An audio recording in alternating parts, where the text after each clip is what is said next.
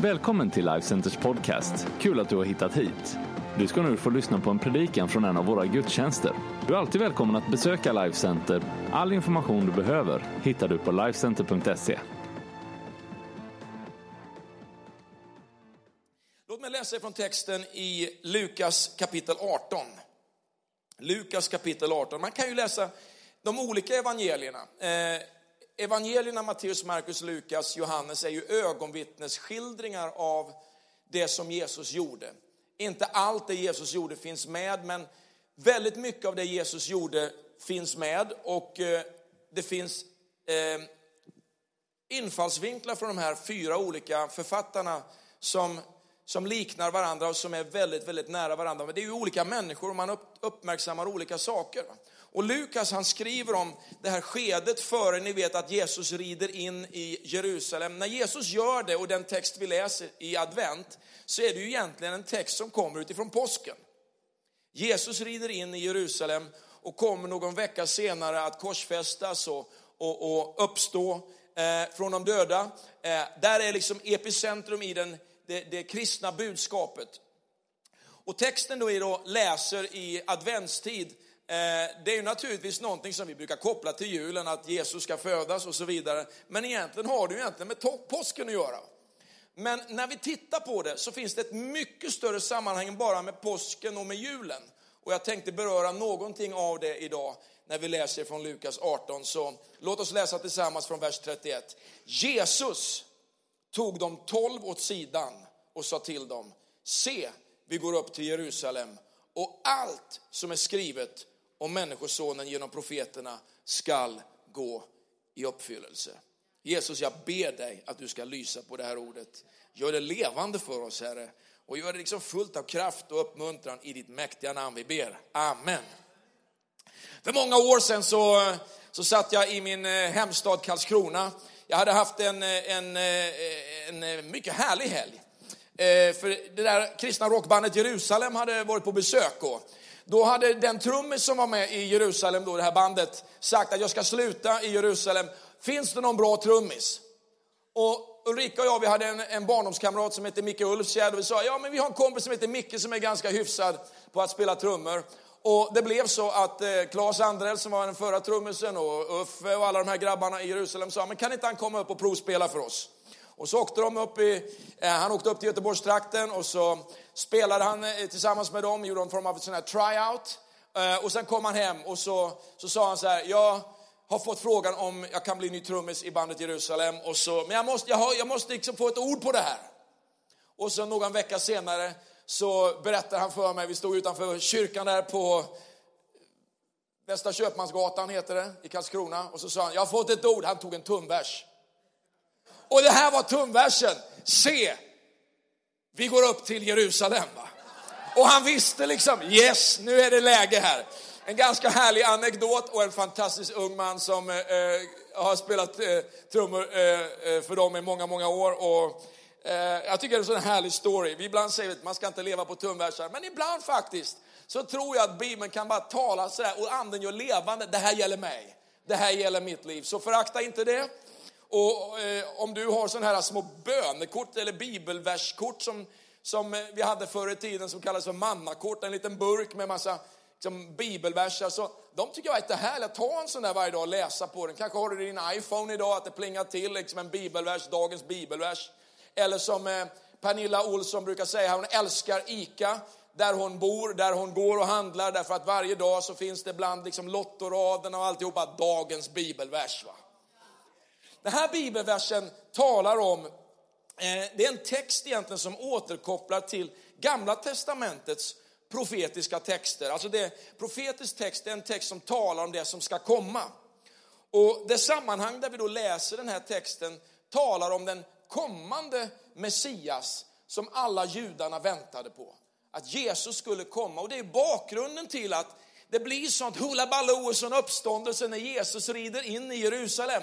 Och alla lägger palmblad där och man ropar Hosianna, Hosianna. Man väntade på den här kommande befriaren. Och det som är viktigt för oss att förstå är att i det här sammanhanget så är det ju ett folk som lider under en ockupationsmakt. Va? Man lider under Romers styre och man längtar efter att få se liksom befriaren komma. Och det är så mycket som har tryckt på under århundraden om den här kommande frälsaren, Messias. Så när Jesus citerar den här texten eh, om en konung som triumferande rider in i Jerusalem, eh, så är det någonting högst angeläget. Nu händer det. Det är nu det händer. Ibland brukar man säga att det är samma skara som bara någon vecka senare kommer att ropa korsfäst, korsfäst. Men jag tror egentligen, och det kan man titta på lite olika texter, det är inte egentligen samma skara, utan det är en annan skara. Det finns en skara så småningom som kommer ropa korsfäst, korsfäst. Men den här skaran längtar efter befriaren. Man är inte bara religiös, utan man, man har i djupet av sina hjärtan en längtan efter att fridsfursten Messias, Jesus, skulle komma. På väg upp till Jerusalem, det är en resa som har pågått en tid, så har Jesus mött några olika personer, några olika sammanhang. Han har mött tio spetälska, kan du läsa om i Lukas 17. På väg upp till Jerusalem och han, han har, eh, han har eh, predikat helande för dem. Han har mött fariseerna som, som frågar, när kommer Guds rike? Och han har sagt, Guds rike är nu. Nu mitt ibland er. Guds rike är här nu. Och, och de har liksom fått en, en förklaring som kanske inte då alla förstod. Han har mött några självrättfärdiga i, i Lukas eh, kapitel 18 som tyckte de var väldigt, väldigt bra och de har hållit alla buden. Och han har mött barnen som lärjungarna ville visa bort precis före den här händelsen också i Lukas 18 när han säger hindra inte dem. Och så välsignade han barnen. Det är orsaken till att vi har barnvälsignelse i kyrkan. Vi döper ju inte barn i Life Center. Därför att vi tror att människor ska få fatta ett eget beslut om de vill följa Jesus, inte bara föräldrarna. Föräldrarna kan fatta beslut för sina liv, men barnen måste få fatta egna beslut därför att vi tror på att Gud har gett människan en fri vilja att välja honom eller inte. Att vi sen som familjer kan eh, bygga kärleksfulla och välsignande hem, det tror vi är jätte, jättebra. Vi talar inte ner dig som är barndöpt, absolut inte. Men vi tror att det är oerhört viktigt att man själv får fatta sitt eget andliga beslut om man vill vara en kristen och leva som en kristen. Så därför välsignar vi barn, vi välsignar familjer och föräldrar. Och det har vi vår bakgrund i det här sammanhanget som sker precis innan det text som vi läste nu. Han möter också den rike mannen som, har, som säger att han har gjort allt för att hålla alla bud. Och så säger Jesus till honom att ja, men gör nu det här att du går och säljer allt det du har och så ger du bort det till de fattiga. Och han går liksom bedrövad därifrån därför att han var mycket rik, står det. Alltså vad var det som ägde hans hjärta? Ulrika talar om texten att där ditt hjärta är, det ska din skatt också vara. Alltså man kan faktiskt placera sitt hjärta. Man kan placera sitt hjärta på en bra plats genom att placera sin skatt där. Jag känner inte så mycket för det här med Guds kyrka eller att göra gott för människor. Men om du placerar din rikedom där så kommer du känna för det. Köper du ett hus för alla dina pengar kommer du älska ditt hus. Va? Köper du en bra bil så kommer du gilla din bil, va? förhoppningsvis. Investerar du i din familj kommer du älska din familj. Eh, så att det finns mekanismer där vi kan styra vårt hjärta åt rätt håll. Och så kommer vi till den här texten när Jesus för tredje gången talar om sin död och citerar Jesaja det är en text som talar egentligen om den yttersta tiden. Alltså en tid som ska komma någonstans där borta. I Jesaja 2, som är också det sammanhang han berör, så, så står det så här. Det ska ske i den yttersta tiden att berget med Herrens hus skall stå fast. Eh, jag vet inte om vi kan få fram den texten där eh, ifrån Jesaja kapitel 2, vers 3.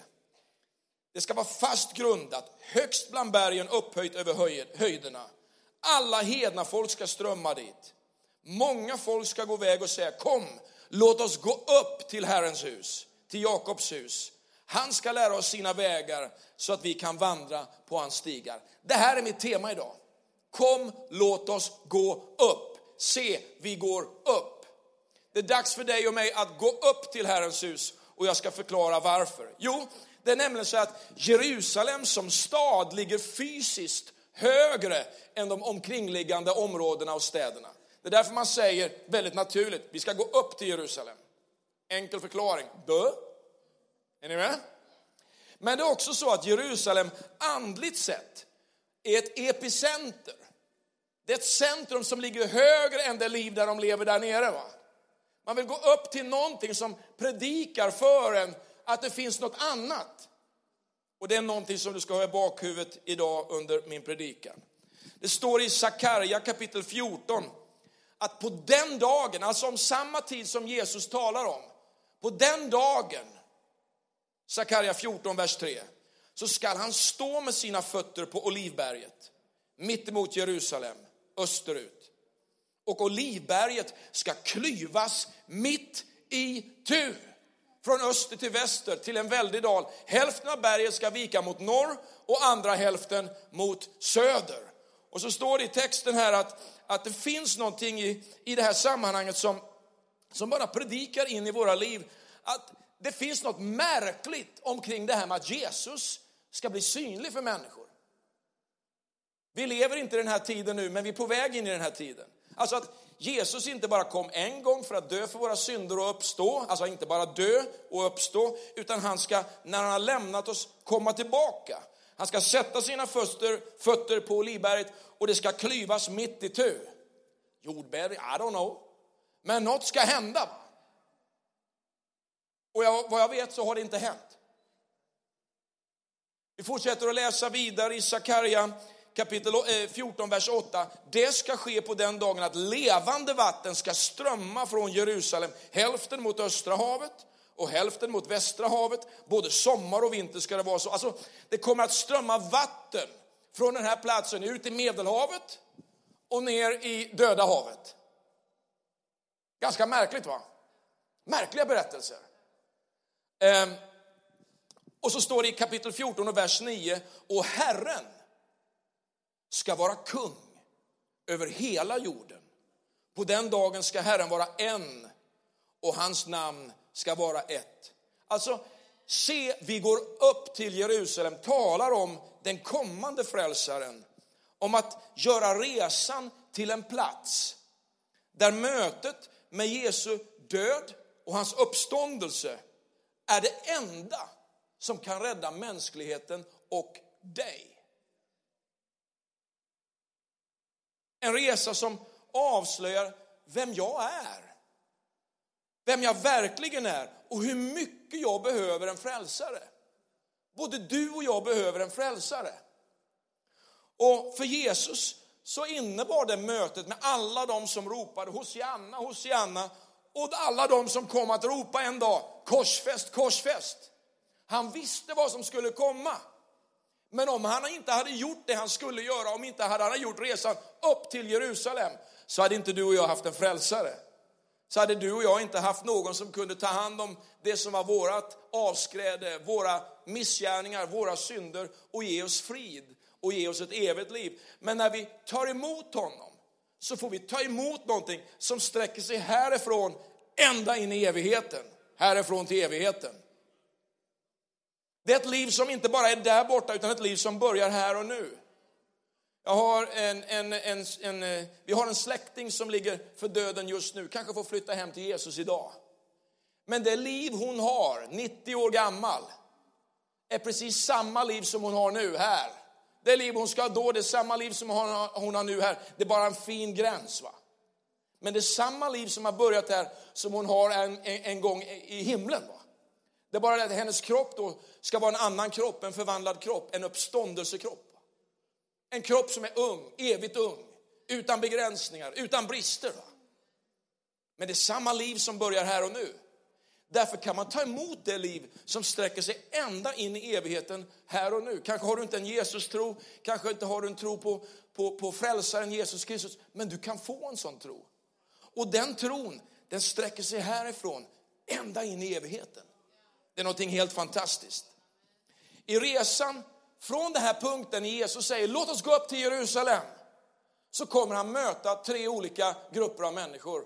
Och de så skulle jag vilja liksom, sammanfatta min predikan med. Tre stycken olika persongallerier och det kommer inte att bli långt utan det kommer att bli väldigt enkelt och väldigt sammanfattande. Så håll i dig nu. Det första är att han möter lärjungarna.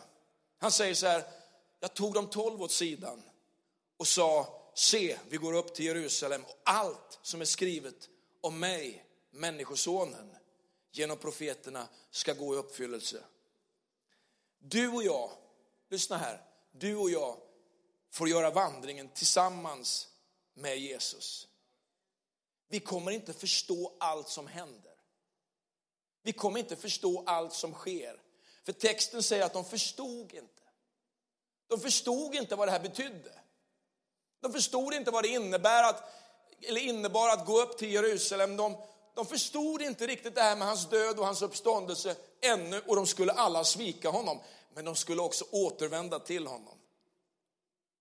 Vi förstår inte allt omkring det som är våran tro, men vi kan vandra tillsammans med Jesus. Därför att vi kommer att lära oss och leva tillsammans med honom under vår resa som både du och jag gör mot vårt eget destiny, mot det som är vårt mål. Vi kan välja att lita på Jesus även när vi inte förstår allt. Kom igen nu, låt oss bara resa oss upp och vandra uppåt mot det som är våra destiny, mot det som är vår framtid tillsammans med Jesus. En del fattar jag Jesus, en del förstår jag inte Jesus, men jag väljer att lita på dig Jesus. Jag vill gå tillsammans med dig. Kanske kommer jag svika dig någon gång Jesus, men jag vet att du aldrig sviker mig Jesus. Och jag vill liksom hela tiden vandra med dig Jesus. Herre, låt oss gå upp till Jerusalem. En resa i tro på Guds löften. Vad sägs om att i adventstid skicka en liten passning till dig. Att dra dig själv åt sidan och påminna dig om hans stora och mäktiga löften. Hans löften som är centrerade omkring honom själv. Som säger att ingen av dem som kommer till mig ska jag visa undan. Han som säger till dig och mig att mina, mitt blod, det övertäcker alla dina synder. Om de så är blodröda, om de så liksom är, är så djupa att du inte ens tror att det finns liksom en utväg ur dem, så täcker mitt liv över det. Att välja att lita på honom, även när du inte förstår allt. Lärjungarna. Det andra är, han möter på vägen in i Jeriko. Jeriko ligger ju där liksom på vägen mot Jerusalem och på vägen in så möter han den blinde Bartimeus. Han sitter och tigger vid vägen. Och så säger han, Jesus! Och alla vill tysta honom. Han ropar Jesus ännu mer. För han har hört att det finns någonting omkring denne Jesus. Jesus, Davids son, förbarma dig över mig. De tystar honom, försöker tysta honom. Han ropar bara ännu mer, står det i texten. Ännu mer. Jag älskar att det står att han ropade bara ännu mer. Inte samma, ännu mer.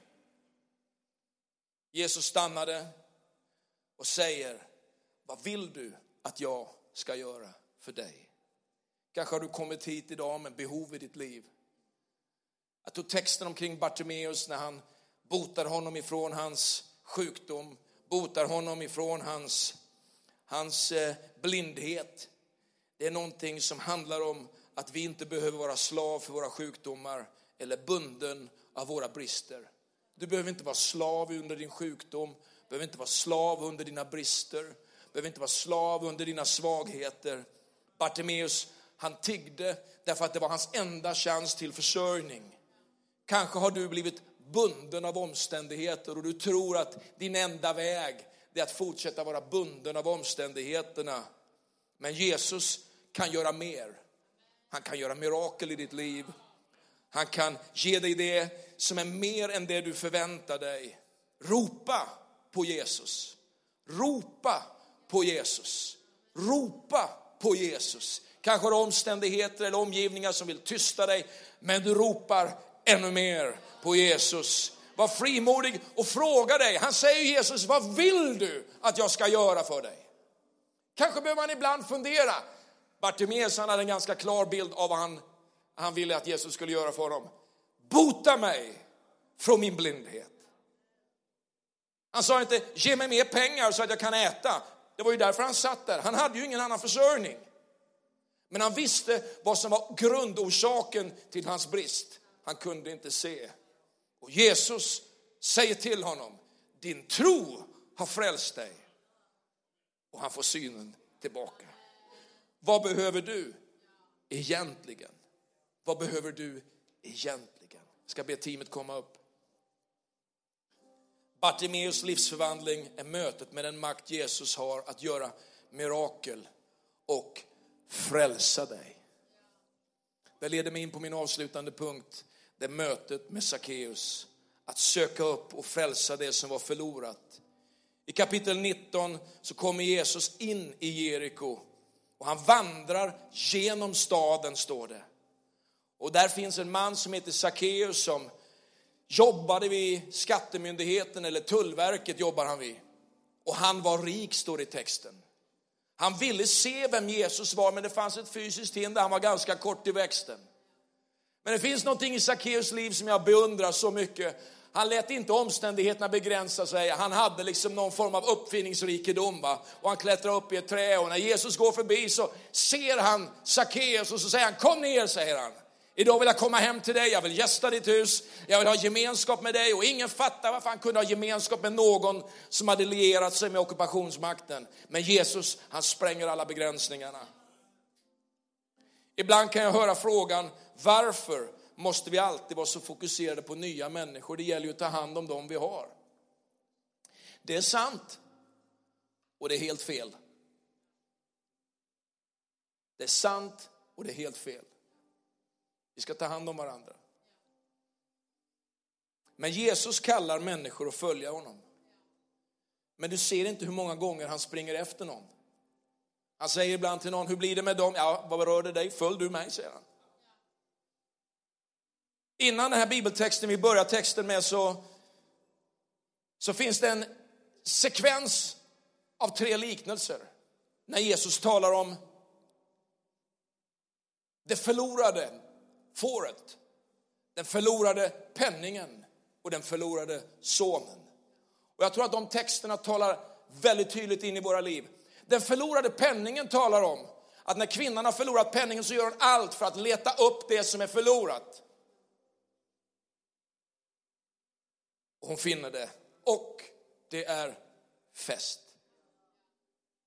Ibland i våra liv så måste vi söka upp det vi har tappat bort. Personligt och som kyrka. Låt oss söka det vi förlorat. Det andra är att det finns situationer när någon väljer att lämna fadershuset. Och du ser inte pappan springa efter den förlorade sonen bort i fjärran land. Göra någon form av ingrepp i slösandet av hans resurser. Utan människor har ett eget val att välja Gud och att välja bort Gud. Vi ska vara tacksamma för att människor har ett eget val att välja Jesus och att inte välja Jesus. Att göra ett intelligent, att göra ett andligt beslut i sitt liv. Att välja Jesus eller inte välja Jesus. Det är deras ansvar. Det är ditt ansvar att välja Gud och inte välja Gud. Men sen finns det en fantastisk berättelse om det förlorade fåret. Och vad jag förstår av den texten så är det vare sig heden eller fåret som vill att fåret ska gå förlorat. Ibland händer saker i våra liv där vi har svårt att förklara varför saker händer. Men när saker händer så finns någonting fantastiskt i den texten som gör att man ger sig ut på en resa för att söka efter det som är förlorat. Det handlar inte alltid om ett skuldbeläggande av vare sig kyrka eller individ. Det handlar om att göra det man kan för att söka det som är förlorat. Alltså, per definition, vi har ett uppdrag att inbjuda människor, att söka människor, att välkomna människor in i det som är hans rike. Men människor måste också välja om man vill göra det. Vi kan inte tvinga någon, vi kan inte tvinga våra barn, vi kan inte tvinga våra släktingar. Människor har ett val, men det finns en tidpunkt när hjärtat också blir moget. När hjärtat är öppet att välja honom. Och det är det som är våran bön. Människosonen har kommit för att söka upp och frälsa det som var förlorat. När de religiösa här inte förstod varför han umgicks med Sackeus så säger han att det här är orsaken till att jag är här. Människosonen har kommit för att söka det som är förlorat. Svaret på din fråga det är det här, låt ditt hjärta fortsätta vara mjukt. Har det blivit hårt, se till att ditt hjärta blir mjukt. Vi är här för att göra samma gärningar som han har gjort. Vi är här för att göra precis det han har kallat oss att göra. Att söka det som är förlorat. Att ständigt hålla upp detta. Det finns ett behov som ropar på dig. Det står att Jesus, han vandrade genom staden. Det är dags för Life Center att börja vandra genom staden. Att öppna ögonen. Det är dags för dig, det är dags för mig. Att vandra genom staden, att öppna våra ögon och se vem Jesus sänder i våran väg. Jesus han älskar också nyfikna människor. Kanske har du kommit hit idag, det här slutar jag med idag. Kanske har du kommit hit idag och du undrar liksom varför livet blev som det blev. Du blev kort i växten, du blev lång i växten. I don't know. Men Jesus älskar nyfikna människor. Han älskar människor som tar initiativ. Kanske har du kommit hit idag för att vara nyfiken, kanske drog någon med dig, men du har kommit hit. Du är lite nyfiken. Jesus älskar nyfikna människor. Sackeus hade säkert någon typ av komplex som han kompenserade för i sitt jobb. Jag vet inte. Det blir lite extra tull för dig idag. Och du, vi lägger på några procent här. Han var inte så omtyckt. Men någonstans här så lät han inte ens det begränsa honom. Förringa inte det som är ditt liv. Se inte ner på ditt liv. Låt Gud tala in i ditt liv istället. Jesus han älskar att bryta religiösa barriärer. Han älskar därför att han är driven av ett mål och ett syfte. Och Jesus han vill komma närmare dig. Han vill komma hem till dig. Amen. Amen. Jesus, jag tackar dig Herre för en adventssöndag Herre, där vi får räkna med dig i allt. Jag tackar dig för att du är en levande frälsare. Jag tackar dig Herre för att du möter människor på din väg Herre. Jag tackar dig för att vi idag Herre får välkomna dig Hosianna, du som är Messias, du som är den levande guden Herre. Herre, du som är den som kom hit för att både dö och att uppstå Herre. Du som kom hit för att ge oss allt det vi behöver Herre och vi välkomnar dig att beröra våra hjärtan Herre i ditt mäktiga namn Jesus. Medan du sitter ner ska vi bara böja våra huvuden och sluta våra ögon en stund tillsammans innan vi ska sjunga här. Låt mig få be en bön för dig som vill bara välkomna Jesus in i adventstid. Kanske vill dra dig själv liksom lite åt sidan och lyssna på hans röst när han kallar dig och säger, ska vi dra upp? Ska vi gå tillsammans? Ska vi göra så här att vi bara i den här enkla atmosfären ger dig ett tillfälle att bara säga Jesus, jag räknar med dig. Jesus, jag vill bjuda in dig i mitt liv. Jesus, jag vill bara öppna mig för dig. Jag kanske har känt dig tidigare, men jag vill bara komma tillbaka till dig. Kanske för första gången be en sån här bön att inbjuda Jesus i ditt liv. Bara välkomna honom i adventstid. Låt det här få bli din bästa jul någonsin. En jul tillsammans med Jesus i ditt hem, i ditt liv, i din familj. Och låt honom bara få prägla den här fantastiska framtiden och lära dig mer om honom. Kanske förstår du inte allt, men det är inte det som är liksom det viktigaste. Det viktigaste är att få börja göra resan tillsammans med honom. Ska du bara sträcka din hand rakt upp. Jag ska räkna till tre och så ska vi be tillsammans. bara sträcka din hand rakt upp och säga, be för mig, tänk på mig. Och gör det som en dedikation, en överlåtelse till Jesus. Där du säger Jesus, jag tror också på dig. Ett, det här är ditt tillfälle. Två, gör det redo. Tre, bara sträck din hand rakt upp just nu och låt mig få be tillsammans med dig. Gud välsigne dig. Någon mer? En enkel morgon här tillsammans. Gud välsigne dig min vän. Gud välsigne dig min vän. Någon mer? Gud välsigne dig min vän. Gud välsigne dig min vän. Så härligt. Vad glad jag blir. Någon mer innan vi ber? Gud välsigne dig min vän. Underbart. Gud välsigne dig min vän. Fantastiskt. Så härligt. Gud välsigne dig också min vän. Tack Jesus. Ska vi be den här enkla bönen tillsammans? Ska du be efter mig? Jesus, jag tror på dig. Tack Jesus för din förlåtelse och ditt nya liv. Jag väljer nu Jesus att vandra med dig resten av mitt liv. Tack Jesus för frälsningens gåva. I Jesu namn. Amen. Amen. Ska vi ge våra vänner en stor applåd och så sjunger vi tillsammans.